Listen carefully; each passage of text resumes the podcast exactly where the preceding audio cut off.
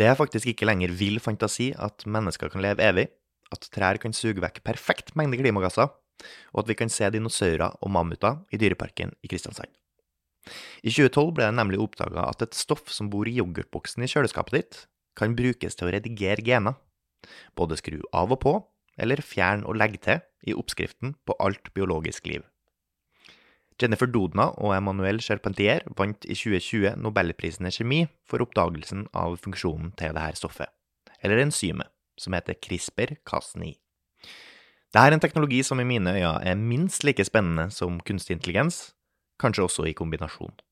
Dagens gjest er Sigrid Bratli.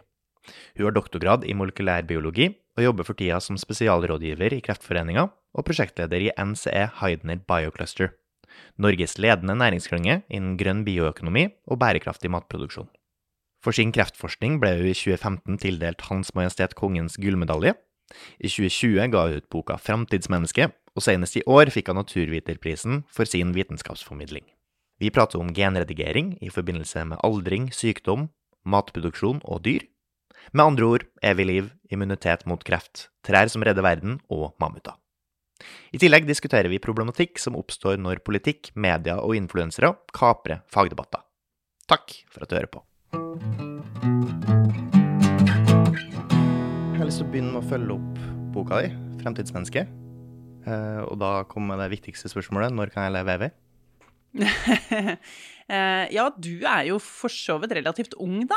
Så det er kanskje mulig for deg å strekke litt på den biologiske levetida. Jeg vet ikke om jeg vil si evig, og der blir jeg jo kanskje litt sånn partypooper, da. For de som virkelig ønsker seg at, dette her, at de skal leve evig. Men jeg tror kanskje man kan sikte mot en betydelig økt levealder. Jeg pleier å si at 150 er innafor rekkevidde for kanskje sånn som deg, da. Mm -hmm. Som fortsatt har, eh, lever i på en måte den første delen av livet. Ja. Mm. Jeg kan på en måte holde ut lenge nok til at noen kommer på noe som får meg til å holde ut enda litt lenger. Ja, jeg tror det. Og det handler jo om både å eh, unngå å få de alderdomssykdommene som vi vanligvis dør av, men også da å strekke på en måte ut den biologiske tidslinja, da, hvis du skjønner hva jeg mener. Altså å holde f.eks. stamcellene dine unge og friske. Mm. Det tror jeg absolutt det kommer til å komme teknologi for eh, i ganske nær framtid. Og vi ser det jo allerede, og særlig da på sånne dyreforsøk, at dette virker jo ganske bra. Jeg, tror, jeg husker ikke helt hva rekorden er, jeg, men de har jo klart å nidoble levetida til noen av disse enkle rundnormene og sånn, da. Ja. Så det er jo biologisk mulig å gjøre sånt. Og da begynner man gjerne med de, og så prøver man mus, og så Mm. kanskje, hvis man er heldig, så får man prøve på sjimpanser eller noe, og så er det oss. Og så er det mennesket. Ja. Så jeg vet ikke, skal du, er du den som melder deg først til liksom det eksperimentet? Det kommer kanskje an på hvor gammel jeg er på det tidspunktet, eller hvor dårlig stilt det er. Ja. Ja, hvis det er skikkelig dårlig stilt, så kanskje det er verdt å ta sjansen. Jo, men, men da er det på en måte biologisk nesten litt for seint. Ja. Hvis du er skikkelig gammel og skral, da er biologien din litt kjørt. Mm. Eh, og det ser man faktisk med en del av de forsøkene også, at hvis man begynner å prøve seg på de ordentlig gamle dyrene, så går det ofte litt dårligere med dem. Eh, men hvis du gjør det på de yngre, så virker på en måte oppsettet bedre, da. Um, noe som er litt sånn basic, som ikke er så veldig sånn high-tech metode for å forlenge livet, er kalorirestriksjon. Mm. Altså spise for litt, litt mindre kalorier enn det du egentlig er anbefalt å gjøre. For da skrur man på en måte ned farten på stoffskiftet ditt, Mm. og så går hele biologien litt saktere. Det vil si at du, det tar lengre tid for kroppen din å, å, å samle opp alle disse skadene som gjør at du på en måte blir gammel. Eh, og det virker i alle arter som det har vært forsøkt på. Eh, men det de så, da, blant annet på sånne bananfluer, som er et sånt yndet eh, forskningsdyr, var at eh, hvis du gjorde det, hvis du starta når du var gammel, så fikk du nesten motsatt effekt. At det gikk fortere, denne aldringsprosessen. Så du må komme i gang tidlig, eh, og så må du gjøre det riktig for at dette her skal gi den ønskede effekten, da. Hvor mye må man gjøre? da? Må man faste, eller må man konstant gå med liksom, kaloriunderskudd for å få skikkelig skikkelig lav forbrenning? Eller prøve å komme i kaloriunderskudd? Nei, det er jo forskjellige måter, da. Altså, disse mest Altså, de, disse dyreforsøkene har jo Da har de jo testet konstant kalorirestriksjon i de aller fleste tilfeller. Men eh, der også ser vi at hvis de da holdt dem på veldig lav, lavt kaloriinntak over tid, og så satte dem på vanlig diett igjen, da også fikk de sånn hurtig forbrenning plutselig. Da. Altså de fikk nesten sånn raskere aldring igjen. Mm. Men det som kan være en bedre måte å gjøre det på, er det som kalles midlertidig faste. Eh, hvor man gjør det periodevis, eller periodevis faste, kalles det også. Hvor du da eh, setter kroppen midlertidig i kaloriunderskudd, sånn at den liksom den oppfatter nesten at det er litt sånn fare på ferde, og begynner å sette i gang sånne reparasjonsmekanismer og sånt for å vedlikeholde istedenfor å forbruke, da. Mm. Og får litt sånn stor rengjøring, egentlig, innimellom. Og det er ganske godt dokumentert, faktisk, i faglitteraturen, at det eh, gir ganske god helseeffekt. Nå har jo ikke dette blitt prøvd på mennesker over lang tid, fordi nødvendigvis hvis man skal se om det har noe effekt på levetid, så tar det jo lang tid å gjøre den forskningen. Eh, Så vi vet jo ikke det, det endelige utfallet av det, men alt tyder på at det kan gi en helsegevinst, da. Mm. Min utfordring med det konseptet i seg sjøl er det her at ja, du kan gå og ha lav forbrenning hele livet, altså basically å leve sakte. Mm. Men det går jo på bekostning av kanskje andre livskvaliteten din, da. Eller også andre helseeffekter som kan gi. Sant? Mange mener jo at hvis du har så og så mye muskelmasse, så er det fordelaktig når du blir gammel. Hvis du har god kondisjon, så er det fordelaktig når du blir gammel. Alle sånne ting som du faktisk må ha litt forbrenning for å opprettholde. Mm. Så da er det sånn, da må du gi fra deg musklene dine og kondisjonen din, men greit, du kan leve sakte og røre deg minst mulig og spise minst mulig. Og så er det på en måte, da får du noen ekstra leveår med det. Vil man ha det? Nei, jeg vil ikke ha det, og det har jeg jo reflektert en del over, da, eh, når jeg har satt meg inn i dette her, at eh, jeg tror ikke at totaliteten i min livskvalitet blir bedre av å forlenge den siste delen av livet Nei. med et par år. Men likevel så ser jeg at eh, hvis dette her kan brukes som et grep for å øke de friske leveårene, selv om jeg ikke lever så veldig mye lenger, Mm. så er det kanskje en, også en, go en god ting. Altså, jeg gjør det litt innimellom, faktisk. At jeg tar sånn øh, intensiv periodevis faste, hvor jeg da trener veldig mye og spiser ganske Altså, ikke, spiser ikke lite, men jeg spiser innafor et begrensa tidsrom, for det er litt det som er trikset, da, at du skal eh, få langt opphold mellom måltider, sånn at du tar blodsukkeret helt ned, og får til en sånn Det er nesten sånn stoffskifte-switch, at du går over fra å forbrenne sukker til å forbrenne fett, og da da, da starter den her historiegjøringsprosessen. Mm. Eh, nå vet ikke jeg om jeg gjør det nok til at det faktisk har så veldig reell effekt, men jeg innbiller meg at det har det. Eh, Mm. eh, litteraturen sier jo at det skal ha positiv effekt på helse. At det, særlig sånn diabetes og en del av disse andre tingene som kommer med eh, alderdommen, eh, og at man har forbrukt mye, holdt jeg på å si, altså hatt eh, ja, et aktivt stoffskifte. Um, at man kan kanskje ta ned risikoen litt for det, da. Og det tenker jeg kan gi en del livskvalitet. Hvis man ikke trenger å gjøre det hele tiden, men gjør det innimellom. Ja, målet må jo egentlig være å kunne regulere det eh, etter ønske i større grad. Altså Ja. at du har høy forbrenning når du trenger å ha høy forbrenning. Sånn Mm. når du er i aktivitet, høy aktivitet, mens når du hviler, da har også ha lav hvilepuls og ha også lav forbrenning i tillegg. Ja. Som jeg føler ofte skjer med typ idrettsutøvere. Sånn, de har som regel Mm. ganske lav hvilepuls. Ja, Det hadde vært det beste, hvis man kan få litt av, litt av begge deler. Mm. Så, mm. Et spørsmål jeg har til typ forbrenning og sånn, er når det gjelder skadereparasjon og sånn. Hvis du er skada, ønsker man da å ha høy forbrenning for å på en måte få den prosessen med reparasjonsprosessen til å gå fortere, eller ønsker man å ha lav forbrenning? Da tenker du på sånne fysiske skader, idrettsskader og sånne type ting? Det er jeg litt usikker på hva hva som er anbefalt eh, eh, der, Mm. egentlig. Det, det vet jeg faktisk ikke, hvordan den biologien vil påvirkes av et høyt og lavt stoffskifte. Men du trenger jo på en måte å ha et aktivt immunforsvar, og du trenger å ha en del prosesser gående da for å reparere effektivt. Mm. Så um, ja. Det er mange som hevder at liksom faste og sånn også kan være effektivt i liksom sykdomslindring.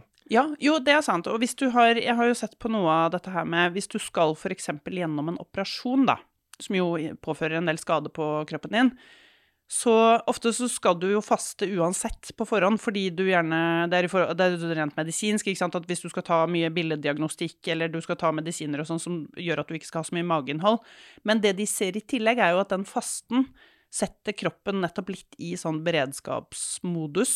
Mm. Eh, fordi den oppfatter at det er eh, dårlige tider, da, når du har lite mat. Eh, og at du derfor restituerer fortere etter en operasjon hvis du har fastet på forhånd. Så det kan godt hende at det er overførbart til generelt f.eks. idrettsskader, da. Ja. Eh, ja.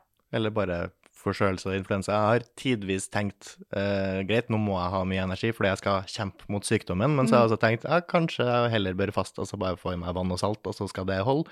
Men jeg har ikke noe kontroll, jeg klarer ikke å kontroll, kontroll, kontrollgruppe meg sjøl og teste uten. Se når blir jeg frisk fortest. Det Men hvis du, liksom gjør det, hvis du gjør det mange ganger, da Man rekker jo å være forkjøla ganske mange ganger Men i det er løpet av et ulike liv. forkjølelser, så du vet jo ikke Altså, du klarer jo Nei, ikke å sammenligne nei, hvordan ikke- form var jeg på det tidspunktet. Det, liksom, det blir for vanskelig. Det blir jo et snitt, da. Ja. Hvis du gjør det mange nok ganger, så vil du kanskje se at hvis du eh, i den faste gruppa, holdt jeg på å si, oftest føler deg bedre eller det går raskere enn i den andre Ja. tilstanden, så kanskje du har en viss indikasjon, da, selv om ikke det er solid forskning vi snakker om her. Nei, det blir veldig mange anekdoter på meg sjøl. Ja.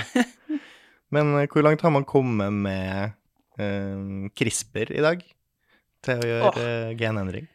Åh, det er så spennende med CRISPR. Altså, det er en teknologi som er Den er jo ikke tenåring engang. Eh, den, den kom i, eh, i 2012. Eh, og den har utviklet seg i et så forrykende tempo. Nå, i, for et par uker siden, så fikk den faktisk eh, godkjenning som medisinsk behandling for første gang. Det var i Storbritannia.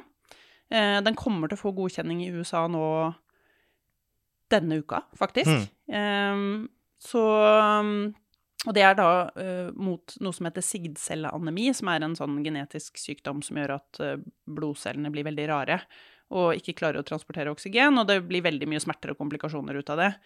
Eh, og da bruker CRISPR til å endre på genene i de blodcellene sånn at de oppfører seg normalt, da.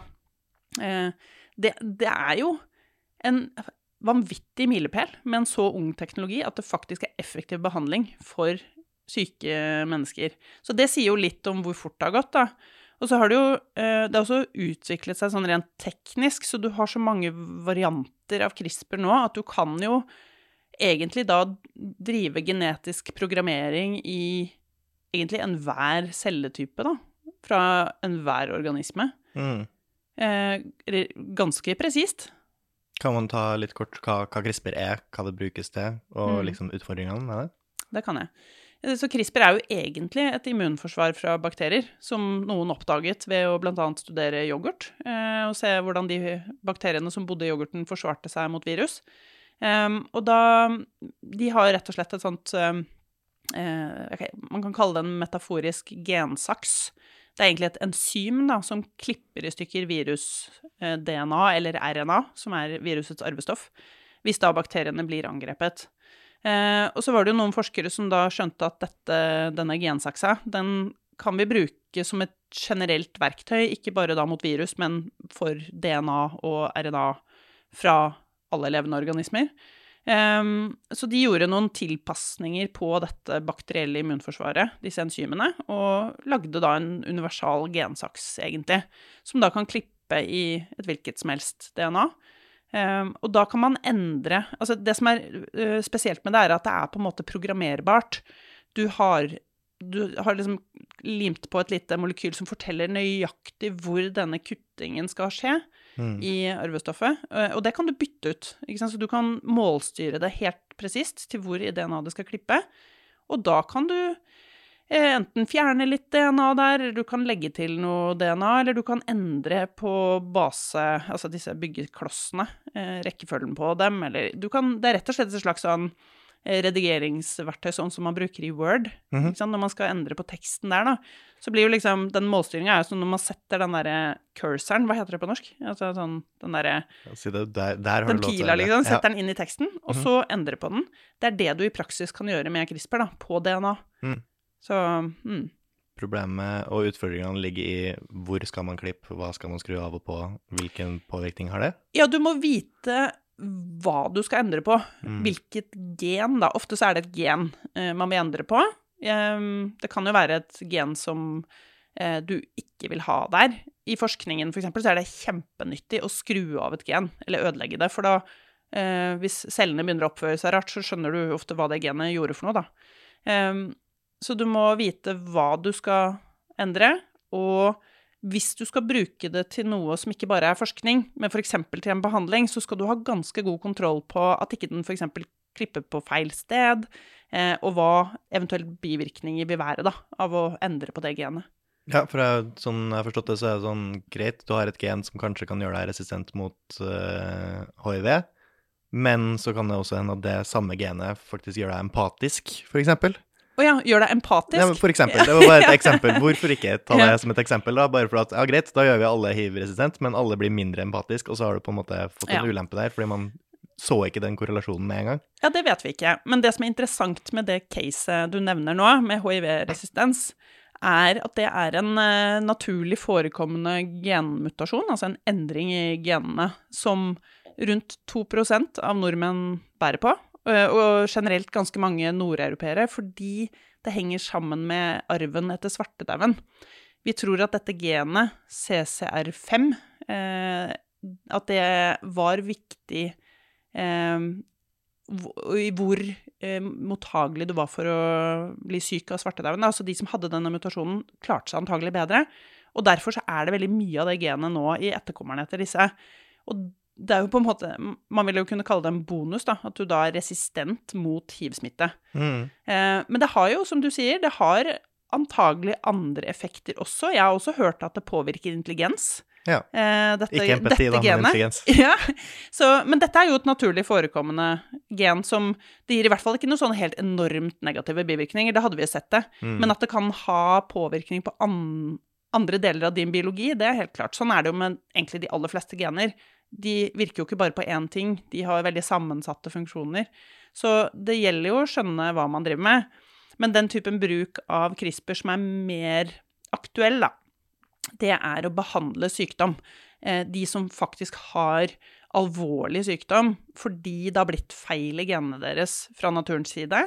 Eh, det kan jo skje enten gjennom livet, da, at du får genmutasjoner, eller at du har arvet det fra mor og far. Eh, og der ser vi jo fantastiske gjennombrudd nå. Så um, det å gjenopprette normalen, da, Mm. hos de som har vært uheldige i det genetiske lotteriet, det er, eh, det er der det største gjennombruddet med CRISPR vil være, i hvert fall overskuelig framtid. Innafor medisin, da. Har man noen eksempler fra det, der det liksom funker, eller man tør å prøve det i dag?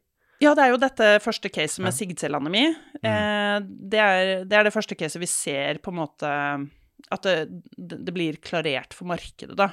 Eh, og da, da de testet det på eh, rundt 30 pasienter, det er de som har fått prøve dette her, eh, så så de at samtlige ble symptomfrie. Eller det var alle bortsett fra én, tror jeg, som ble Mm. helt symptomfrie av denne behandlingen. Eh, og det fins jo en del andre som kommer da, eh, av sånne type behandlinger. Mye skjer innenfor kreftbehandling. Da er det ikke snakk om å rette opp noe genfeil i kreftcellene, men det er snakk om å bruke det som et eh, genetisk programmeringsverktøy for immunceller. Mm. Eh, For immunceller er egentlig ganske gode på å drepe kreftceller, men noen ganger så lurer kreftcellene seg unna. Men da kan man utstyre immuncellene med ny genetisk programvare, eller skru opp og ned på gener, sånn som man kan gjøre med CRISPR, og da gjøre dem enda bedre til å drepe kreft. Og vi har sett noen eh, tilfeller allerede. Jeg var i, i Ja, ca. for et år siden så var jeg i London og besøkte eh, et av sykehusene der, hvor det jobber noen forskere som da har prøvd nettopp det her. Hvor de da har justert på genene til immunceller fra en donor, eh, som da tok knekken på kreften til en 13 år gammel jente, som da var egentlig uhelbredelig kreftsyk. Eh, hun hadde ikke noe mer eh, behandlingsalternativer. Og så fikk hun prøve den her CRISPR-immunterapien, og er helt kreftfri nå.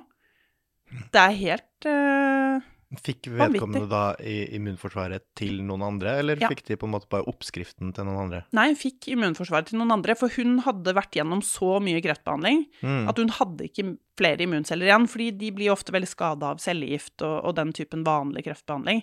Så hun måtte få fra en donor. Mm. Eh, og da hadde de både jeg håper å si, gitt de donorcellene nye egenskaper til å kunne drepe kreftceller, men også da skrudd av noen gener, sånn at ikke det skulle bli krasj med hennes eventuelle immunreaksjon hvis, Mm. hadde, hvis det kom noe eh, immunforsvar, eller at de da skulle gjenkjenne henne som fremmed. For det er jo det Ja. immunforsvaret gjør, da. Så de måtte finjustere på en del gener eh, for å få dem da til å både bli trygge for henne og effektive til å drepe kreften. Og det lyktes de med. Men er ikke det her også overførbart egentlig til alle? Altså all form for kreft er på en måte immunforsvaret som taper i kampen mot å fjerne kreftceller? Jo, i prinsippet så kan du si det. Jeg tror at uh, immunterapi i ulike former, og kanskje særlig da med genteknologi involvert, kommer til å bli uh, effektiv behandling for veldig mange typer kreft framover. Mm. Utfordringen der er at det er ganske vanskelig og dyrt. Dette er, ikke sant, Vanlig kreftmedisin er jo forholdsvis hva skal jeg si, enkelt å gi. Ikke sant? En cellegift eller en tablett er noe ganske annet enn det vi snakker om her, hvor du har Du må høste celler fra pasienten i en del tilfeller, eller fra en donor, da. Og så må du genetisk programmere dem. Det er jo en ikke helt ukomplisert prosess. Og så skal du ha masse støttebehandling i tillegg. Dette her er ikke noe, det er ikke noe enkel vei til målet. Og de behandlingene vi har fått så langt, de som har kommet på markedet sånn kommersielt, de koster jo rundt fire millioner per pasient, da. Mm. Disse, for disse kreftbehandlingene. Og for de genetiske sykdommene, denne sigdcelleanemien f.eks., så er jo prislappen mye høyere enn det igjen. Da snakker vi eh, godt over 20 millioner ja. for en behandling. Så det blir ikke bli enkelt å rulle det ut, da, for å si det sånn, i den offentlige helsetjenesten, dette her. Nei, men over tid kanskje vi klarer å gjøre det billigere. Ja, det håper jeg. Og der er det nettopp det at CRISPR har sin styrke, fordi det er egentlig det vi kaller en plattformteknologi som kan tilpasses, nettopp fordi du kan bytte ut denne adresselappen, holdt jeg på å si, da, på hvor du skal endre på gener, så kan du det. Og vi har sett første tilfelle i USA nå, hvor et selskap gjør nettopp det. De har utviklet CRISPR for jeg husker ikke hva det var, én type sykdom. Og så har de brukt akkurat den samme oppskriften og byttet ut da, og, til en annen eh, sykdom etterpå. Mm. Så det kan faktisk være en sånn som du kan tilpasse, og da blir det billigere over tid. Så det er mitt håp, da. Det høres jo egentlig ut som om det er bare et kunnskapsmangel da, som hindrer å kunne bruke CRISPR til nesten absolutt alt det, det, er, det, er, mer enn det. Men det er klart, kunnskapsmangel er jo én ting. Men det er jo også de systemene vi har satt opp, da. For hvis du skal ha godkjent en behandling eh, som du skal selge, ja. så skal du gjøre masse forskning først. Du skal ha sånne Helst så skal du ha sånne store kliniske studier som, vi, som du gjør på sånne randomiserte eh, grupper med kontrollgrupper, og det skal være mange hundre pasienter. For en del av disse sykdommene som er kjempesjeldne, og da snakker vi om disse genetiske sykdommene særlig, så tar jo det for det første veldig lang tid, og det er utrolig kostbart å gjøre mm. den typen studier. Så utviklingskostnaden for disse behandlingene er kjempehøy, og da vil du aldri kunne få det ut i det omfanget og få den prisen ned, hvis ikke man gjør om på også det godkjenningssystemet, da. Så spørsmålet er, kan man se for seg en fremtid der man i praksis lager en skreddersydd CRISPR-behandling for én pasient som har en helt unik genmutasjon, uten at du har gjort all denne testingen, da. Jeg tror det er mulig, men det betyr at man også må ha innovasjon innenfor lovregulering og politikk, ikke sant. Ja. Så det er ganske sammensatt. For nå er ulempen at enhver medisinsk behandling skal behandles for den generelle allmuen, mens hvis du gjør det mer spesifikt mot det enkeltindividet, så kanskje det ikke, da er det ikke noe hensikt å teste på alle. Nei, ikke sant? Og, og, når skal man kunne si ja til noe sånt? Mm. Hvis man ikke vet helt sikkert hva som kommer til å skje i den ene pasienten, da. Ikke sant? Så det er jo en kjempeutfordring hvordan man skal få det til. Men alternativet for disse pasientene er jo ofte ingenting. Nettopp. De har jo dødelige sykdommer, de skal dø innafor Dette er ofte små barn, særlig når man snakker om disse arvelige sykdommene.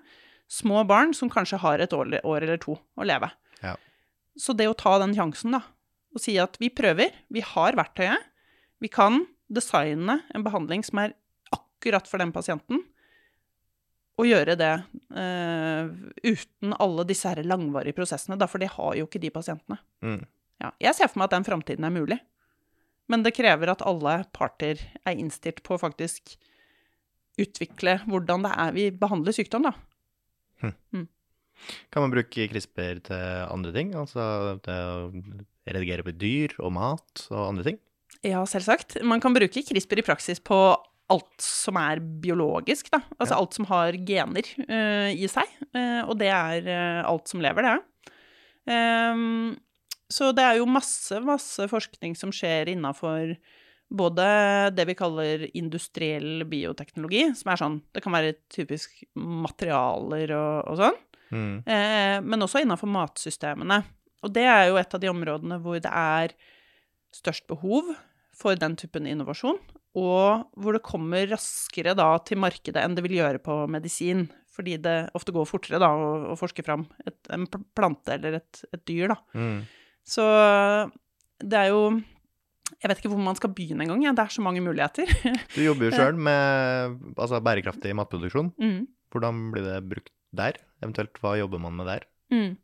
Eh, I veldig mange tilfeller så handler det om å lage biologiske løsninger for å gjøre matsystemene mer bærekraftige og mer robuste i møte med den fremtiden som kommer. Det gjelder jo bl.a. klimaendringene.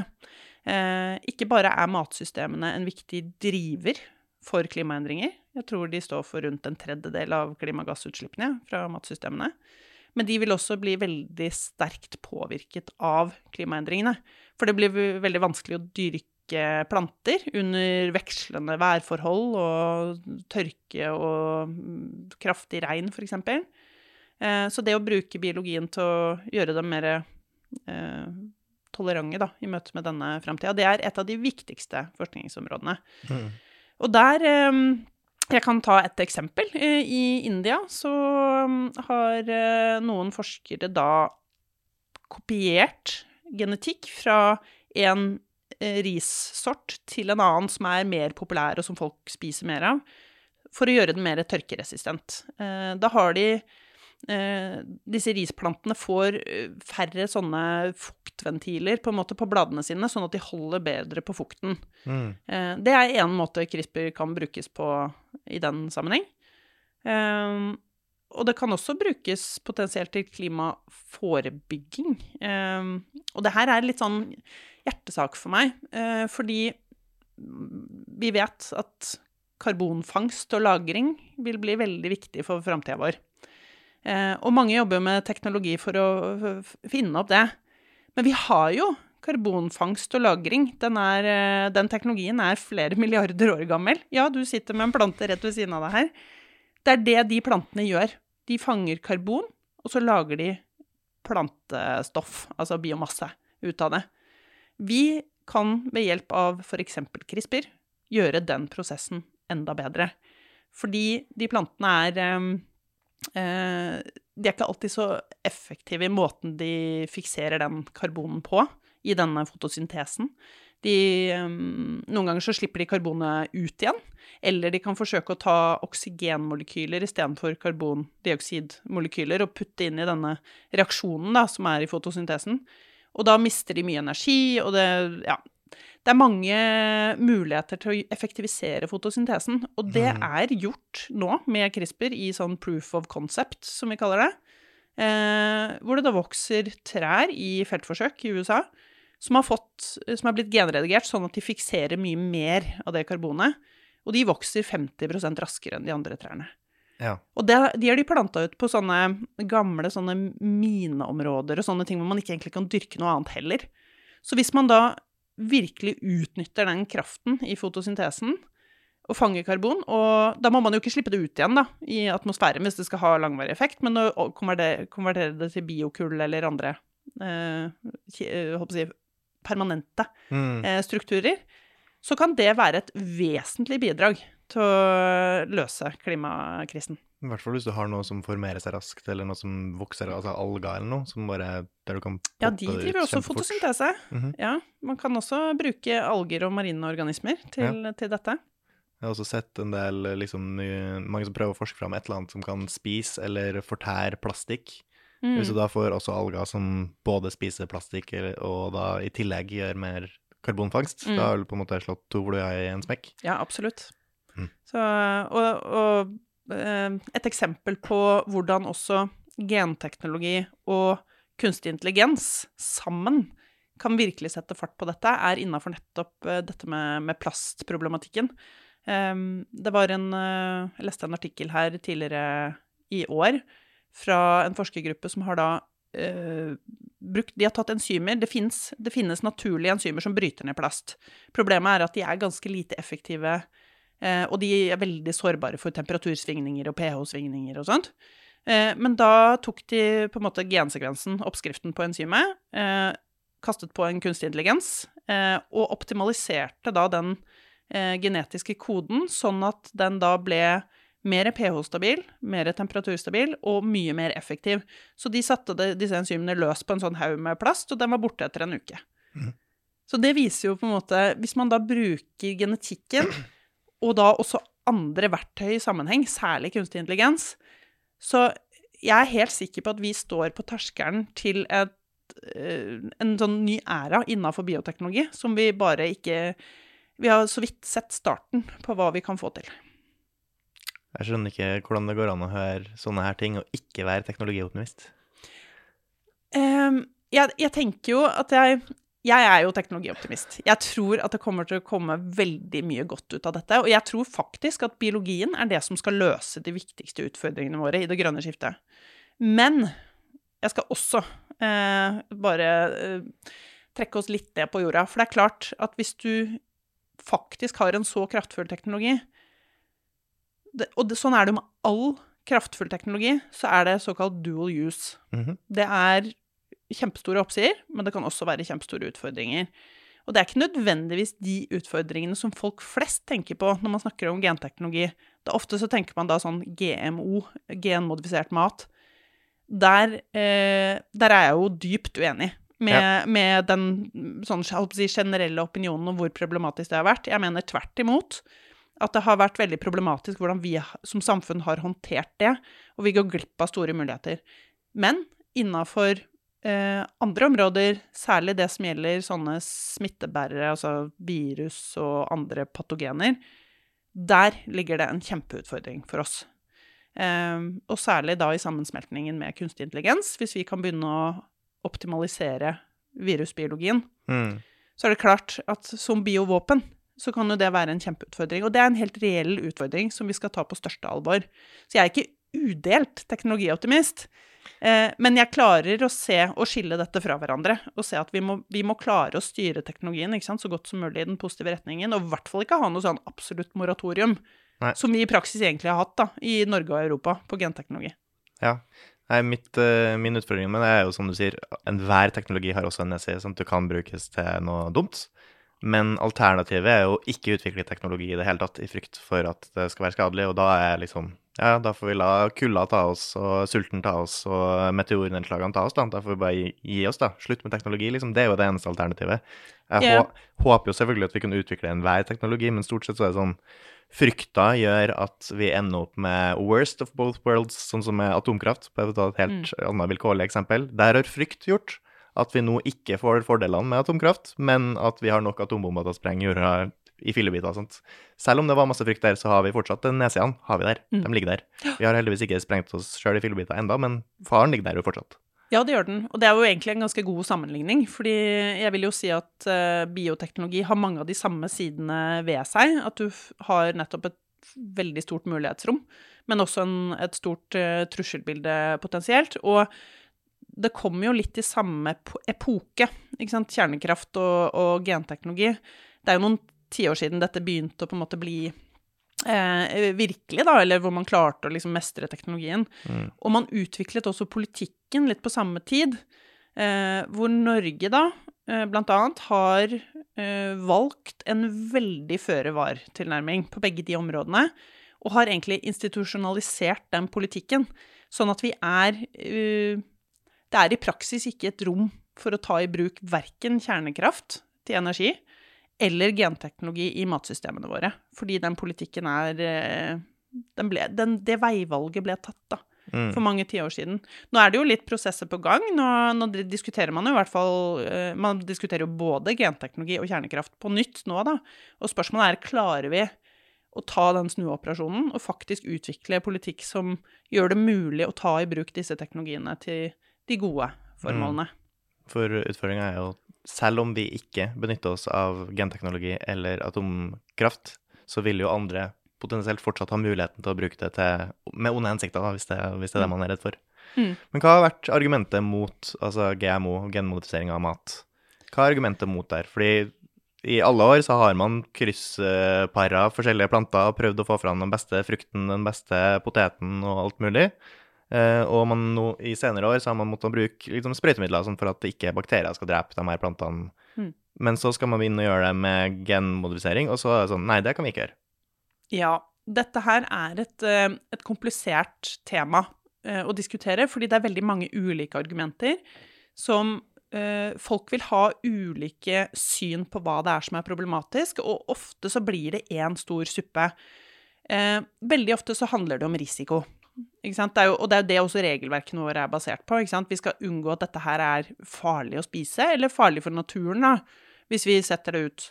Um, og det Den diskusjonen er veldig viktig å, å, ta.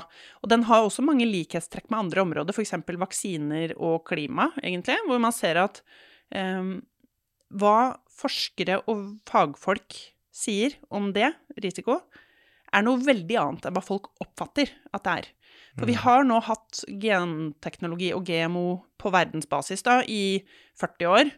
Eh, og det er gjort tusenvis av risikovurderinger som har konkludert med at de ikke er noe farligere enn konvensjonelle planter. Da er det planter vi egentlig har erfaring med, da.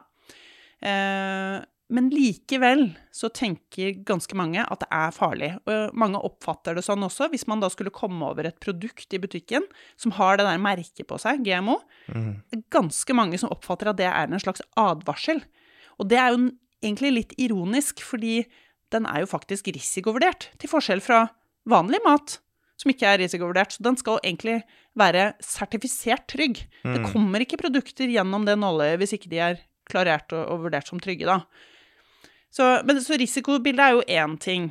Eh, andre vil legge vekt på at det er eh, patentert og en del av liksom, den globale storindustrien, og at det er en innvending. Det kan man jo kanskje si at til dels er legitim, eh, fordi det er, jo, det er, jo, det det. er en del av den globale storindustrien, primært, da, disse teknologiene. Men grunnen til det er også sammensatt, da. Um, det ene er jo at vi har satt den regulatoriske terskelen så høyt og dette er jo egentlig parallelt til det jeg snakket om med medisiner i stad, at eh, det å få noe godkjent i dagens regelverk for Mm. GMO er forbeholdt de ytterst få. Eh, det er gjort kartlegginger av dette, og prislappen for én godkjenning i Europa og Norge ligger på mellom 100 og 150 millioner kroner. Ja. Så du kan jo tenke deg eh, hvem det er som tar det i bruk. Det kan- det er ikke en startup. Det er ikke en startup, det er ikke de Nei. akademikerne på NMBU og? Det er ikke de som tar dette her til markedet. Det Nei. er de store selskapene. Og selvfølgelig patenterer de det da. De skal jo ha igjen litt av disse hundrevis av millionene de bruker, da. Så det, det, systemet gjør at det blir begrensa, ikke sant? Mm. Um, og det er veldig viktig å gjøre noe med. Dette skal tilgjengeliggjøres. Og så er det jo viktig å huske på at det, altså det at noe er patentert, er ikke i seg selv negativt. Eh, kjenner du til det caset med Golden Rice? Nei. Det er en eh, GMO-ris som har eh, vært jobbet med i flere tiår eh, som et humanitært prosjekt. Og det var da å tilsette gener som lager vitamin A i ris. Fordi det, altså vitamin A-mangel er et stort problem i en, ganske mange deler av verden. Hvor da særlig for barn som ikke får nok vitamin A, så kan de bli blinde, og en del av dem dør. Mm. Så det å sørge for at de får da mer vitamin A Så det ble utviklet som et humanitært prosjekt eh, fra et universitet, egentlig. Eh, men har vært gjenstand for utrolig mye konflikt. Eh, og der har faktisk Det gikk så langt som at feltforsøkene, da, når de skulle teste ut dette her, ble revet opp av aktivister som ikke ville ha GMO. Men um, knaggen tilbake igjen her var jo dette med patentet, fordi for å få dette gjennomført til slutt etter 30 år Nå, nå er den kommet på markedet i Filippinene, blant annet, da, som trenger dette her. Um, så har det vært kommersielle selskaper involvert, en del av de store. Og de har patentert det, og det er jo for å sikre også rettighetene til dette her. Men de har gitt dette uten eh, vederlag tilgjengelig for alle som vil ha det. Så det er patentert, men fri lisens på, til alle som vil dyrke denne risen. Så det er viktig å huske på disse nyansene også i den GMO-debatten. Eh, hvis rullegardina går ned det øyeblikket du hører GMO, så er det på tide å liksom sette seg litt ned og sette seg litt mer inn i denne tematikken. Og litt mer nyanserte diskusjoner. For det er For sånne som meg, da, som stikker fram huet i den debatten og snakker positivt om genteknologi og mat, så er det en Det er et vepsebol, eh, og det, særlig på sosiale medier, hvor det da Det tar ikke lang tid før det kommer sånne eh, kommentarer med sånn bilder av Bill Gates eh, som Frankenstein med sånn sprøyter i hånda og sånn. Altså, vi må ta ned temperaturen i den debatten, og så må vi klare å snakke om dette på en ordentlig måte. For dette her er en av de viktigste teknologiene som skal være med å transformere verdens matsystemer. Mm. Ja. Ja, nei, problematikken kommer jo i det folk ønsker veldig, veldig gjerne at ting kan gjennomføres uten en nedside. Sant? Kan vi få denne genmodifiserte maten uten at det er noen risiko, og uten at noen tjener mer penger på det? Og det er sånn, Nei, det går jo ikke. Alt har en viss risiko, og noen kommer til å utnytte pengesystemet vi har i dag, til å selvfølgelig tjene på det. Og så er det sånn, det er en mindre Heller, heller det enn at folk sulter eller dør av vitamin A-mangel, liksom. Det, må, altså, det må jo være bedre. Men det som norske forbrukere da kanskje først kommer til å møte eh, når det gjelder CRISPR, da, som er på en måte Noen vil si at dette er jo også bare GMO, eh, men dette her Det er jo det som er den interessante diskusjonen i Norge nå, er CRISPR og det vi kaller genredigering, eh, for å egentlig da erstatte konvensjonell avl og gjøre ting raskere enn det man ville gjort normalt da. Og da er det f.eks. tørråteresistent potet. Mm. Det er et prosjekt som er eh, aktivt i Norge, som utvikleren håper å ha klar innen et par år. Eh, hvor da man potensielt kan da erstatte enorme mengder med sprøytemidler. Eh, som man må ha for å holde potetene våre friske i dag. Jeg tror bøndene bruker 120 millioner kroner i året på dette her, og de sprøyter sånn ti-tolv ganger i, i sesongen. Mm. Eh, Og igjen, der kan man godt være kritisk til liksom, sprøytemidler også, men det er jo en grunn til at vi har det. Det er jo for at vi ikke vil at poteten, som du sier, skal råtne. Alternativet er råtten potet. Ja, eller vi- det potet. Eller ikke potet, Ja, er jo på en måte alternativet. men hvis man kan bruke biologien, da, Mm. bygge inn motstandskraft mot soppen i poteten, sånn at soppen ikke klarer å angripe poteten, det er jo den, altså jeg, jeg klarer ikke å skjønne at ikke det har den appellen, for da er det jo den biologiske løsningen. Det er, da bruker vi Altså, gener er jo det mest naturlige vi har, egentlig. Eh, og det er jo et annet argument. Ofte så sier folk at dette er helt unaturlig. Det er jo ikke det. For det første, CRISPR kommer jo fra yoghurtbakterier. Eh, man spiser jo CRISPR nesten daglig.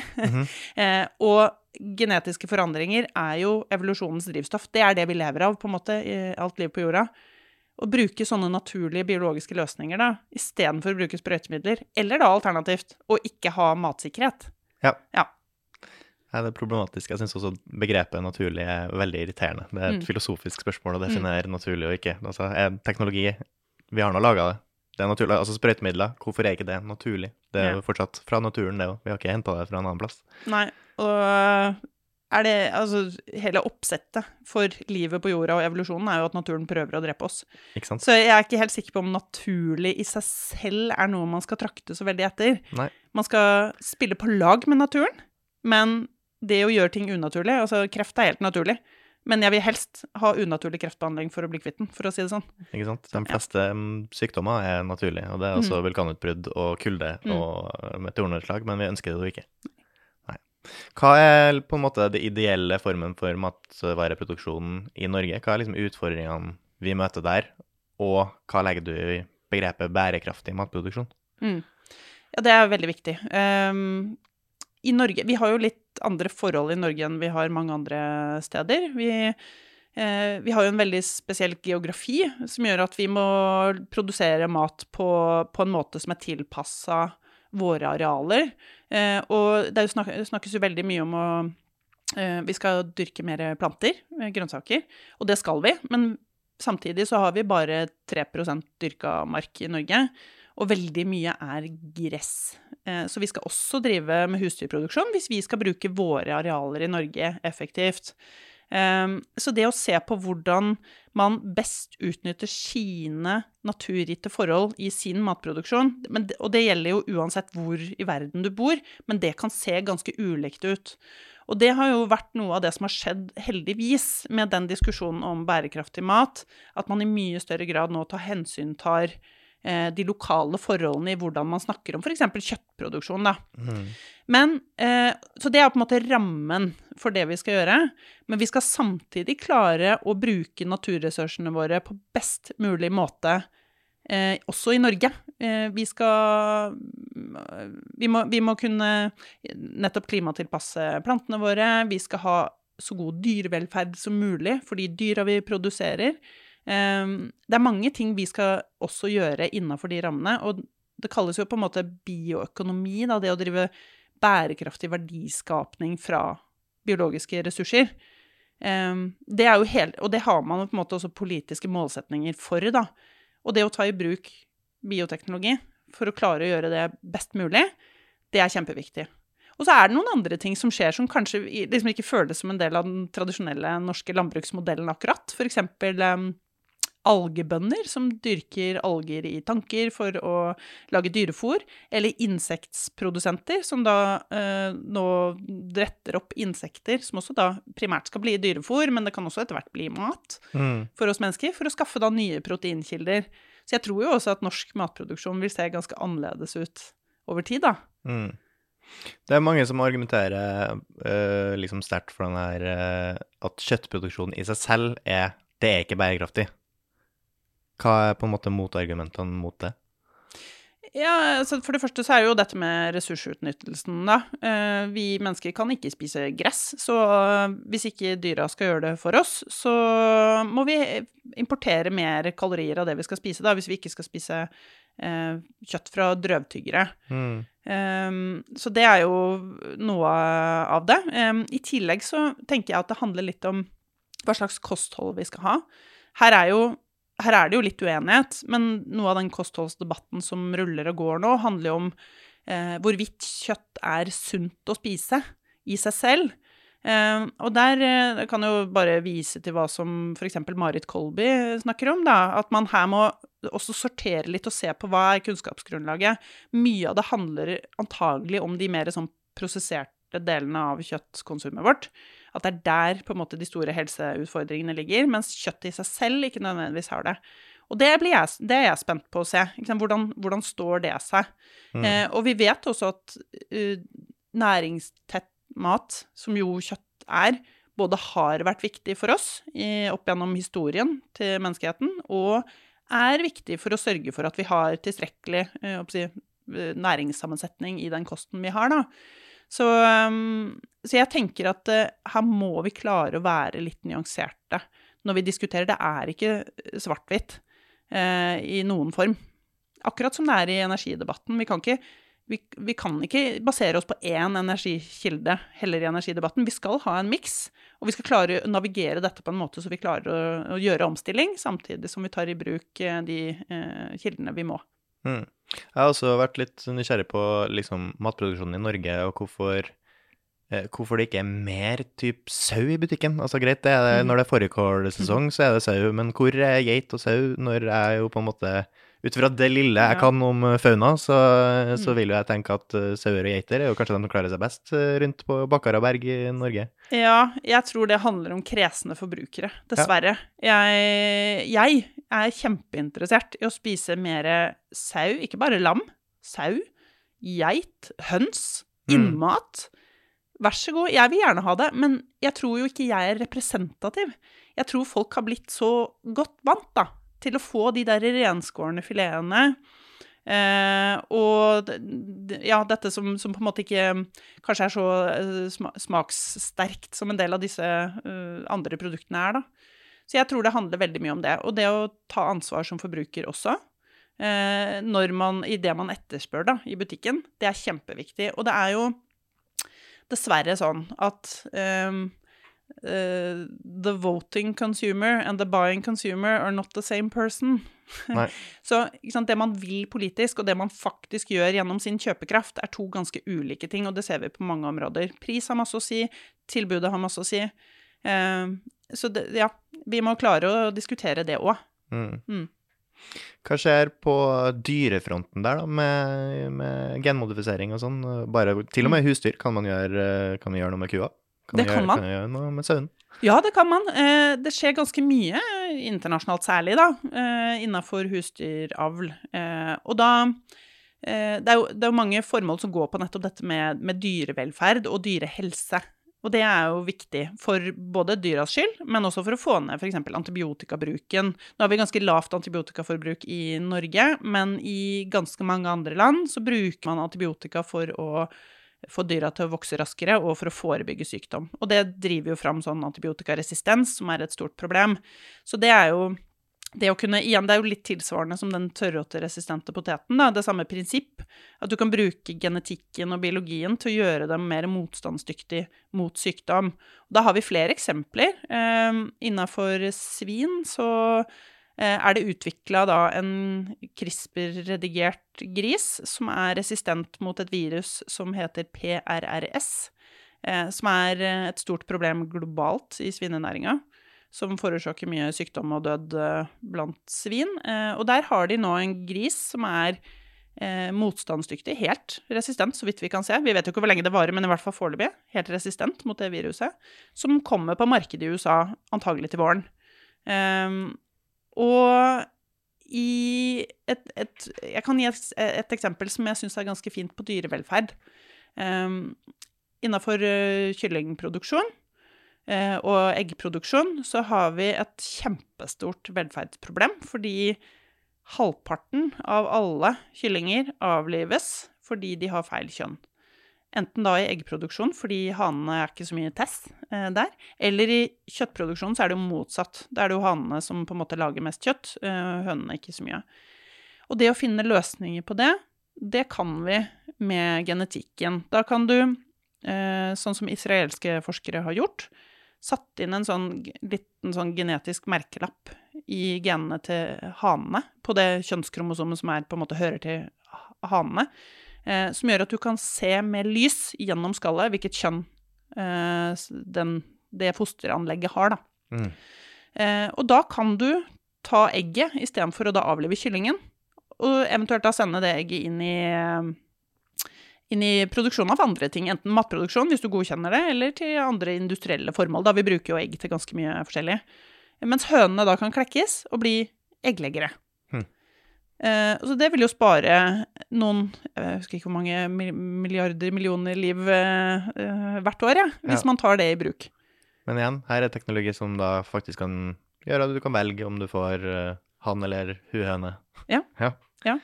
Og det kan man jo mest sannsynlig også da bruke på andre, også mennesker. Å velge kjønn? Ja. ja jeg, jeg tror nok ikke vi vil bruke akkurat drøm. den. Jeg kan bare få Ja. guttebarn. Men jeg tror ikke du vil bruke akkurat den teknologien, men faktisk det å velge kjønn, den teknologien finnes jo. Ja. Den har vi hatt i noen tiår allerede. Det er jo sånn genetisk seleksjon på si, embryonivå, da. Eh, det er jo grunnlaget egentlig for Har du sett den derre Gattaca, den filmen? Nei. Nei, det er en sånn science fiction-film fra 1997, hvor de, de lever i et sånt seleksjonssamfunn, da, hvor det er bare liksom de genetisk mest perfekte som liksom kommer opp i, og fram i livet. Ja. Men da bruker de den teknologien da, til å velge på embryo, så velger de da uh, the best version of you, liksom. Du, ja, og da kan du i prinsippet velge kjønn, og det tilbys i noen land. Ikke Norge, det er ikke lov, men uh, en del land. Hva, er det der det er to brødre?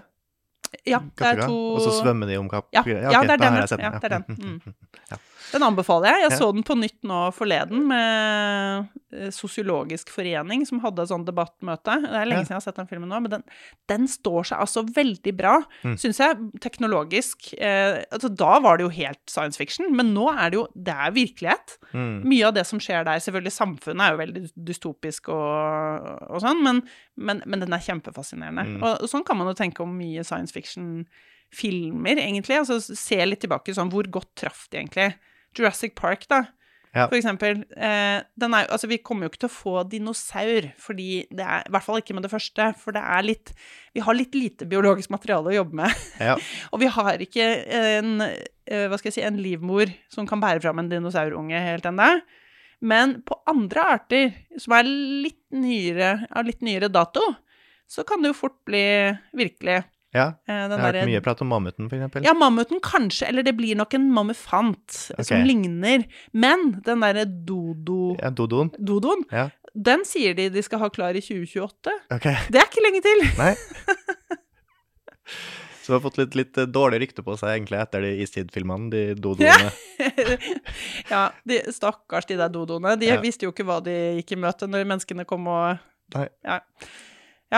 Men Hm. det blir spennende. Tenk om vi får faktisk en eh, eh, Hva kaller man det? Altså de-extinct? Altså avutryddet art, på en måte. Ja. Men det genmaterialet som en gang var en dinosaur, skal jo i utgangspunktet finnes, eller noe av det skal jo finnes i, da, i hvert fall i reptiler og fugler og lignende. Ja. Eh, så hvis du har god nok AI og den, da DNA-materialet fra en krokodille, så syns jeg på en måte ikke veien er så lang for å få en liten dinosaur av det, på en måte. Nei, kanskje ikke. Det, det, det er jo sånn man må gjøre, og det er jo det man skal gjøre med også denne mammufanten. Fordi man skal jo da egentlig jobbe seg bakover fra elefant, da, istedenfor å gjenopplive en vaskeekte mammut, liksom. Mm. Eh, Og det blir jo samme, da, på dinosaur i så fall. Da må du gå baklengs i evolusjonen til noe som ligner på dinosaur. Ja, ja, ja kanskje, med kunstig intelligens. Kanskje det går, da.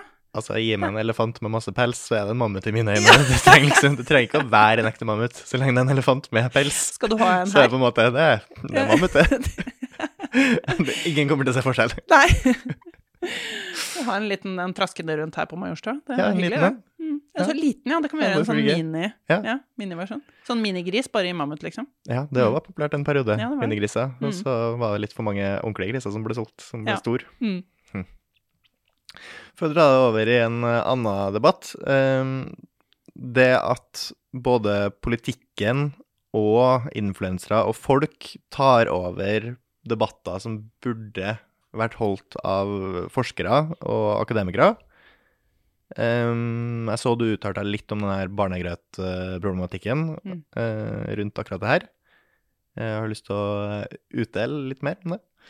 Jeg hadde en liten utblåsning her rundt denne barnegrøtdebatten. Det er jo ett eksempel på noe som er et mer generelt fenomen, der vi ser at det som jo er faglige diskusjoner, kuppes i særlig sosiale medier. Og med en blanding av folk som har noe der å gjøre, fordi de har en eller annen faglig bakgrunn, men også folk som ikke har noe faglig bakgrunn i det hele tatt, men som synser. Og så ser vi at det får konsekvenser, og dette Nå vet ikke jeg om alle som hører på her, vet uh, helt hva den debatten gikk ut på, men det var uh, det, hadde, det hadde blitt framsatt på sosiale medier at det var bedre å lage barnegrøten sin selv, fordi det er bedre enn sånn kjøpegrøt, og så så noen av disse helsearbeiderne at de fikk underernærte barn til kontroll, fordi de ikke hadde fått i seg tilstrekkelig næringsrik mat med hjemmelaget grøt. Um, og? Der har du et eksempel på at det faktisk får negative konsekvenser. Eh, og jeg Noe av det hvor, hvor jeg har sett det tydeligst de siste årene på mine fagområder, er jo i vaksinedebatten Mm. eh, under korona. Der heldigvis så har vi i Norge ganske høy tillit til både myndigheter og fagfolk, men sånn er det ikke i verden. Og det at sånne egentlig ganske kompliserte fagområder plutselig blir allemannseie, hvor alle skal synse og mene noe om det, altså Karen on Facebook, liksom, kommer og mener noe om det, det får veldig store konsekvenser, og det tar vekk legitimiteten i det som er et eh, fagområde, og det som er en eh, fagkompetanse da, som enkelte innehar. Og det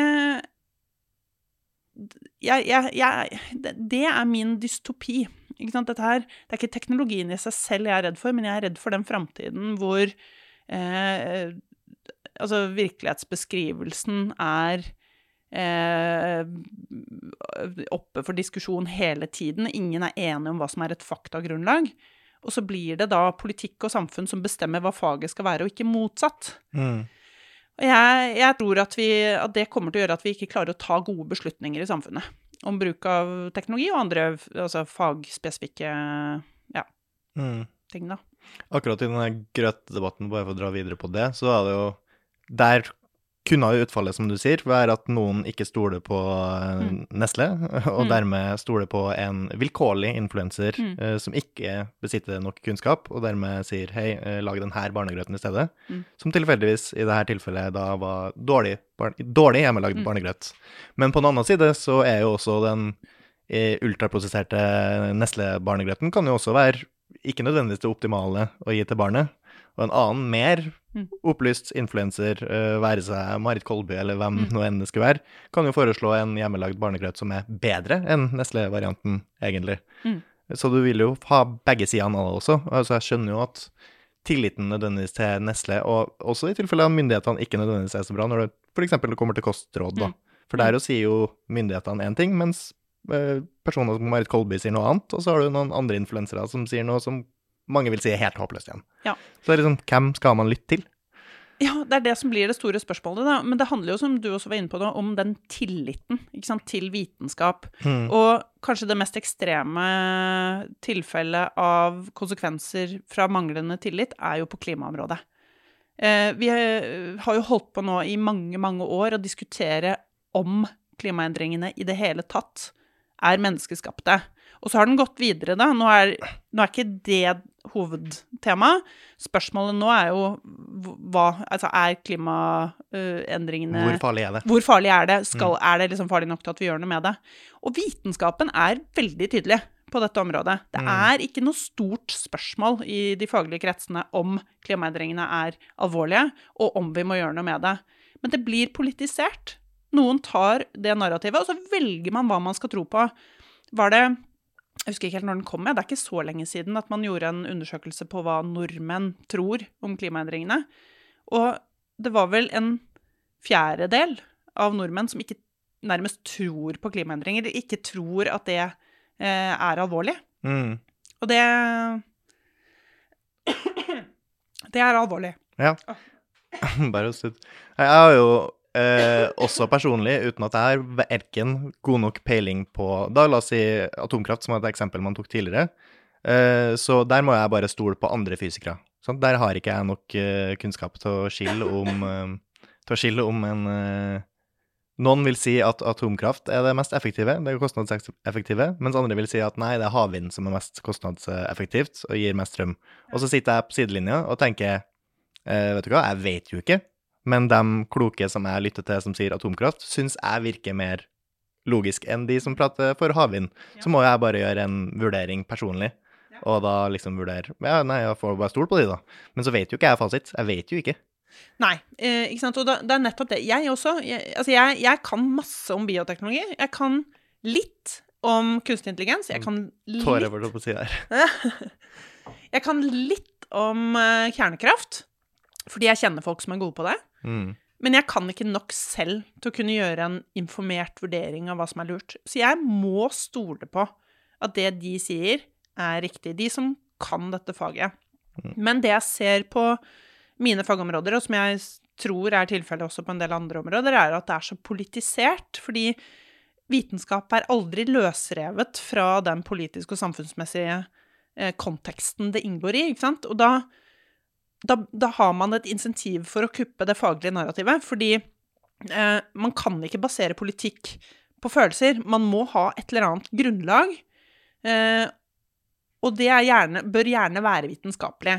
På mine fagområder så er det Jeg ser det særlig på dette med mat. Mm. Eh, og hvordan man da bruker vitenskapelige eller kvasivitenskapelige argumenter for å opprettholde da en veldig restriktiv handelspolitikk på GMO. Eh, vi har noen forbud i Norge som da er det, altså Politisk så hevdes det at det er vitenskapelig basert, men det stemmer ikke. Det er, eh, det er ikke i tråd med hva det vitenskapelige grunnlaget sier. Vi har noen føre-var-baserte forbud på GMO-raps, som vår egen vitenskapelige fagmyndighet, Vitenskapskomiteen for mat og miljø, har risikovurdert og konkludert med at Det er ikke noen sannsynlig risiko, og vi har nok kunnskap til å trekke den konklusjonen. Likevel så sier de jo, men det er så mye usikkerhet om miljørisiko. Nei, det er ikke det. Dette er ren politikk. Og så prøver man da ofte å skape liksom et faglig grunnlag for å understøtte den politikken. Mm. Og det samme skjer på mange andre områder også.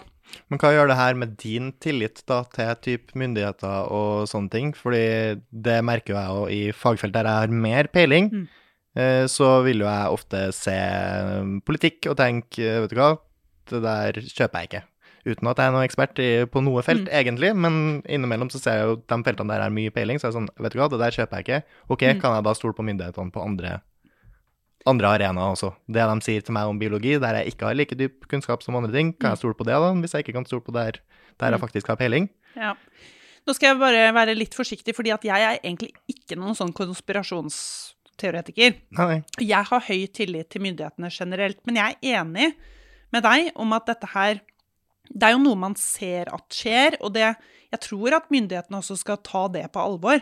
At det handler om den tilliten Mm. som er avgjørende og en forutsetning for at vi skal kunne drive samfunnet vårt som vi gjør. Vi ser jo hva som skjer i andre land, hvor det er veldig lav tillit til myndighetene. Eh, Det er jo ikke en god situasjon.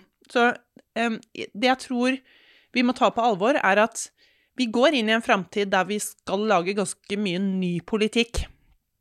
Ikke at vi har bestemt oss for politikken på forhånd og få liksom, det faglige grunnlaget til å passe inn i det. For vi står overfor virkelig sånn disrupsjon på en del, særlig sånn på teknologisida. Og det gjelder jo kunstig intelligens, og det gjelder en del andre eh, områder, som bioteknologi. Vi vet ikke hvor det kommer til å ta oss, hvilket mulighetsrom, hvilket trusselbilde vi har. Hvis vi bestemmer oss nå for hvilken politikk vi skal ha, så kommer vi til å bomme. Ikke sant? Vi må være åpne for at vi skal utforme ny politikk og følge Og da må vi ha vitenskapen i bånn. Vi må ha god, et godt bilde av hva det faglige grunnlaget sier, og så bygge politikk på toppen av det. Mm, Jeg ønsker meg egentlig at eh, norske myndigheter nedsetter en eller annen komité som har sterk vitenskapelig forankring, som kan gi gode faglige råd, som ikke er en del av det tradisjonelle embetsverket, men som faktisk er de beste fagfolka. Litt etter modell av det de gjør i USA. Presidenten har en egen komité som heter PCAST, som driver med mye sånn horizon scanning og sånn, og ser liksom hvor er de store liksom megatrendene, og hva sier egentlig vitenskapen. Det er et godt navigasjonsinstrument for å klare å liksom ta raske politiske beslutninger og tilpasse seg det. Vi har ikke det i Norge. Det trenger vi mye mer av. Mm. Mm. Um, jeg merker jo at uh, rent personlig så har min tillit til enkeltmyndigheter sånn, blitt svekka over tid, spesielt etter korona. Uh, det, jeg syns det var uh, problematisk mye, både hvordan mediebildet og politikere forma liksom, samfunnsdebatten da. For da var det med en gang noen, for å ta et eksempel som ikke lenger egentlig er kontroversielt, det er nettopp lab leak theory.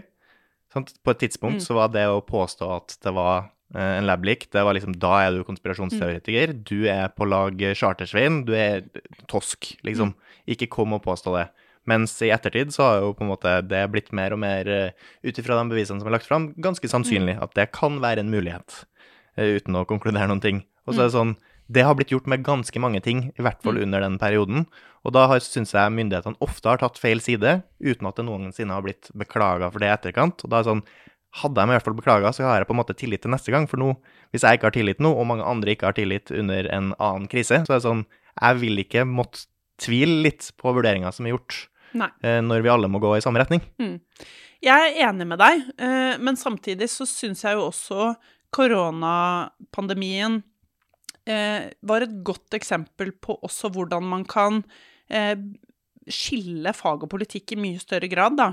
Fordi altså, når det gjelder dette lab-leak, så var det jo også fagfolk som sa at det var det ikke. ikke mm. Så det var jo på en måte en faglig støtte for det politiske narrativet. Det var noen som turte, og så ble mange av dem dytta ut av diskusjonen, og så dro man heller personer som Chartersveien inn for å representere det narrativet, Ja, i stedet for uh, Matt Ridley, på en Ja. måte. Jeg er enig, eh, og det kunne man håndtert veldig mye bedre. Men da var det jo også fagfolka som på en måte gjorde den motstanden. ikke sant? Så, men, men det politikerne gjorde under koronapandemien i Norge, da, var at man i mye større grad synliggjorde at eh, her var det faglige anbefalinger fra f.eks. Folkehelsa og Helsedirektoratet, som kanskje ikke alltid ble politikk. De, ofte så tok de politiske beslutninger om nedstengning eller økonomiske kompensasjoner eller hva det nå enn måtte være, som kanskje ikke var i tråd med de faglige anbefalingene, men da gjorde man det tydelig at faget sier én ting, men vi tar en annen politisk beslutning. Og Mm. det er for så vidt greit, fordi politikk er ikke alltid Det er ikke det samme som vitenskap, ikke sant? Mm. Eh, man kan godt ha andre politiske beslutninger, men da må man i hvert fall være ærlig om at det er det det er. Dette er politikk, det er politiske hensyn som gjør at vi nå velger noe annet enn det disse sier. Mm. Eh, og det er et eksempel til etterfølgelse, faktisk. Fordi på mange andre områder så skjer det ikke sånn. Man har bestemt seg for politikken, og så prøver man å kna til det faglige grunnlaget sånn at det understøtter den politikken. Mm. Og det er noe helt annet, og det er det jeg er redd for. At vi kommer dit. At man ikke kan engang stole på hva sier egentlig faggrunnlaget her. Mm. Ja. Ja, nei, jeg er enig. Det, det er et eh, godt utfall, i hvert fall, Mm. eh, av den eh, Ut fra all den problematikken som kom fra det, så var det i hvert fall noen gode sider ved det. Ja. Hvordan står du på vaksinene i dag? Det er jo fortsatt mange som hevder at de har utgjort skade, mer skade enn godt, men Ja, jeg ser jo, får jo sånne nyhetsvarsler i innboksen min hver morgen, hvor det, det dukker jo stadig opp noe fra Steigan, for eksempel. Eh, og da Ja, jeg Forhåpentligvis så er dette her litt sånn eh, nisjegreie nå. Noen Mm. gir seg jo ikke, men jeg tror jo i stor grad at befolkningen nå har sett at disse vaksinene eh, virket. De virket jo mye bedre enn vi kunne håpe på. eh, Mhm. og så er det jo selvfølgelig bivirkninger som det er med alt av medisiner og, og sånn. Og de håndterte jo faktisk det også greit med den AstraZeneca-vaksinen, som jo hadde mer alvorlige bivirkninger, da. Eh, men at disse mRNA-vaksinene har gjort mye bra. Eh, og det som er spennende nå, er at eh, det som skjedde med utviklingen av vaksiner under korona, vil ha veldig mye positive spin-off-effekter for andre områder, f.eks. på influensavaksiner. Eh, det er jo tross alt noe av det mest alvorlige vi står overfor, er jo hvis det kommer en ny influensapandemi. mm. Eh, vi, vi Altså om den er menneskeskapt eller naturlig. Eh, og det å ha eh, verktøy i verktøykassa som gjør at vi raskt kan lage nye vaksiner, som vi kan med mRNA, det er en kjempestyrke. Og så er det jo på kreftfeltet også. Man kan bruke mRNA til å eh, gi informasjon til immunforsvaret. Vi var jo innom immunterapi. Mm. Eh, for å nettopp da også få dem til å rette seg mot kreft. Og dette her er jo nå under full fart utvikling. Så jeg ser eh, veldig mye positivt som kommer ut av det. Mm. Så, og så håper jeg jo Jeg er litt spent på hvordan tilliten etter de, de her rundene vi har hatt i koronapandemien, om den står seg Ja. over tid, da. Mm. Ja, nei, mitt syn sånn i, sett i etterkant, så er det litt sånn Mitt inntrykk er at greit, det kan hende at det var noen eh, sideeffekter av selv de vi har fått, men de er åpenbart så små at det ikke var Det er ikke utslagsgivende, og heller ikke et argumentasjon for ikke ta det sånn egentlig.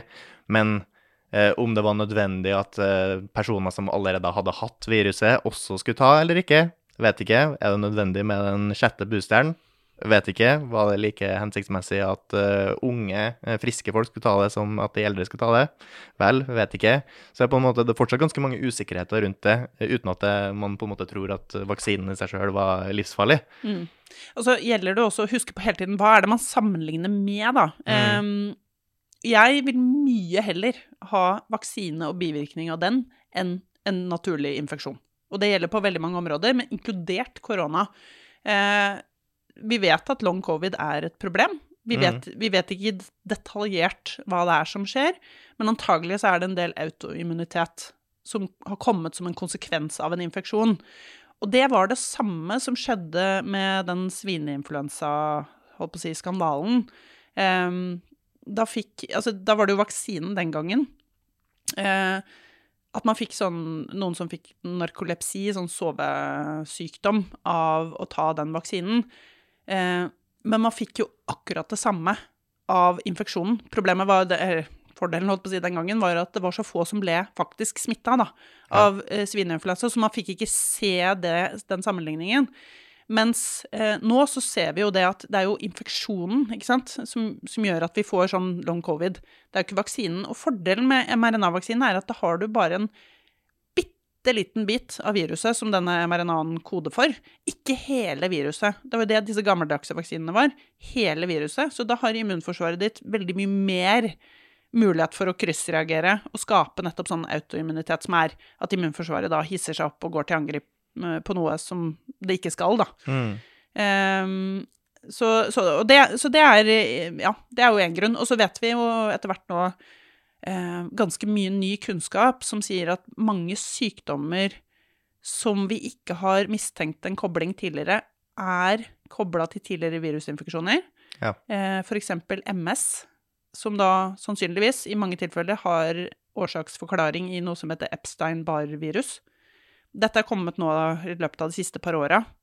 Så jeg tar vaksine any day foran Ja. en virusinfeksjon, for å være helt ærlig. Fordi på generelt basis så har viruset Fordi det er mye mer kontrollert Ja. når du har en vaksine, enn et levende virus som gjør, kan gjøre så mye skade. Så, og også det der argumentasjonen mot at de fleste bivirkningene du vil få av en mRNA-vaksine, vil du også få av det gitte viruset, om du hadde fått det gitte viruset. Ja, med noen liksom Ja. eh, forbehold der, fordi den AstraZeneca-bivirkningen Mm. var antagelig da ikke mot selve koronadelen av det. det antagelig så hadde mye å si med eh, den eh, bæreren, eller vektoren, den var jo pakket inn i et sånt annet virusskall, eh, Mm. for å si det sånn, da, for å få den inn riktig sted. At det ble noen reaksjoner mot den, ikke sant. Og det vil du jo ikke ha i hva skal jeg si, ved en vanlig infeksjon, eller da ved en mRNA-vaksine. Og Så det var noen en- særegenheter der. Og der kom jo en naturlig vaksineskepsis, men det er jo igjen Mm. spesifikt mot den ene vaksina. Ja, og det er jo ja. der er liksom Det er jo også en problematikk med diskusjonen, for det handler om eh, er du anti-vax eller ikke. Nei, det er, jeg er bare litt skeptisk til den ene type vaksinen mot den ene sykdommen. Jeg er ikke generelt mot vaksiner, man er bare Mm. Nei. mot f.eks. AstraZeneca-vaksinen. Mm. Eller, vaksin, eller en booster nummer fire. Sant? Men det går an å være pro den første, men mot de andre. Og så er det sånn Nei, det blir ytterpunktene. Ja, og så var jo den Det er viktig å huske på også at den bivirkningen var jo kjempesjelden, egentlig, i det store bildet. Og for resten av verden som jo fikk AstraZeneca-vaksinen, så har jo nytten med den vært veldig mye større enn Mm. ulempene. Og det må vi også huske på, ikke sant, at vi ikke kategorisk avviser ting som, som egentlig da totalt sett gjør mer bra, da. Ja. Mm. Hva med sånn generell uh, vaksinemotstand liksom, som holdes uh, mye i USA? Det er liksom, ja, De vanlige vaksinene de, uh, gjør at du får, du får tungmetaller som blir liggende igjen i hjernen over lang tid, og det kan liksom utgjøre skade. Hva, hvor, hvor reelt er det, føler du? Dette har jeg ikke satt meg inn i på en stund. Nei. Jeg, nei, altså veldig mye av dette her er jo bare oppspinn. Man finner jo alltid noe. Men, men det er klart, jeg vil jo si at man skal ikke eh, Altså, man må jo alltid Eller igjen, ikke avfeie det helt. Fordi, Nei, fordi nei, igjen, det. ja, det kan hende at det Ja. utgjør skade på noen, men åpenbart så er fordelene så store at det er verdt det. Men Ja, igjen, hvis man ser nøyere man på det og finner på- ut at det er Ja, det er jo det fordi man bruker det, man bruker kvikksølv, liksom. Ok, Mm. men kan man bruke noe annet? Ja, og så fant man ut det, kan man nå da Ja. nærme ha null. Ja, ikke sant. Og så må man alltid gå til Altså, kildekritikk er jo ekstremt viktig, da. Hvem er det som sier dette? Mm. Hvis det er fagfolk, ok, da skal man ta det litt mer på alvor. Er det en YouTube-video med en eller annen som sitter og liksom synser om noe? Ikke, ikke legg det til grunn. Gå og søk mer kvalitetssikret informasjon før du tar stilling. Mm. Det er jo en generell tommelfingerregel, da. Og så er det jo forskernes ansvar, da, å tilgjengeliggjøre det på en måte så folk skjønner hva de snakker om. At man faktisk da klarer å nå ut med viktig faginformasjon eh, til befolkningen. Ikke minst våg å være uenig, fordi i enkelte tilfeller så har jeg jo inntrykk av at når det politiske presset blir for stort, konsensus er for stort, så tør ikke du være han ene som foreslår hei, la oss vaske uh, hendene før vi, Mm. før vi opererer, og så blir du kasta inn på galehus eh, resten av livet. Sant? Men hvis ikke forskere tar den posisjonen, Mm. så kommer jo andre til å gjøre det. Og da blir på en måte den motstanden svekka, og da får man kanskje aldri den motstemmen fra en akademiker, da. Mm. Nei, Som også er problematisk. enig. Problematisk. Og da er det jo også samfunnets og politikernes ansvar å lage det rommet for fagfolk til å uttale seg på en trygg måte, så de ikke blir så skremt. Altså, jeg var på nå For et par uker siden så var hun ene fra Biontech som lagde den ene mRNA-vaksinen. Hun var på besøk her i Norge, i Vitenskapsakademiet, og jeg var og hørte på foredrag eh, med henne. Eh, fantastisk dyktig akademiker eh, som vil noe bra for verden. Men hun kommer jo da reisende med livvakt. Og det er jo fordi det er antivaksere som selvfølgelig Hun står jo øverst på hitlista, ikke Mm. Og da er det jo klart at som en akademiker så er jo det det er jo en helt forferdelig situasjon. ikke sant? Skal du stå i det Jeg kjenner mange, eller jeg har hørt om mange og kjenner mange internasjonalt, som får trusselbrev og diverse. Det er en ganske fæl situasjon å stå i, særlig når du har familie. Ikke sant? Og da å Ja. få den støtten fra samfunnet til at du tør da, å bruke kompetansen din og kunnskapen din eh, på en måte som, som nettopp tar dette ut i samfunnsdebatten, da. Mm. Det er et veldig viktig ansvar, og der syns jeg politikerne faktisk skal være litt tydeligere og stå litt opp for vitenskapen og forskere. Vi lar det bli siste ord. Takk for at du kom, Sigrid. Veldig hyggelig.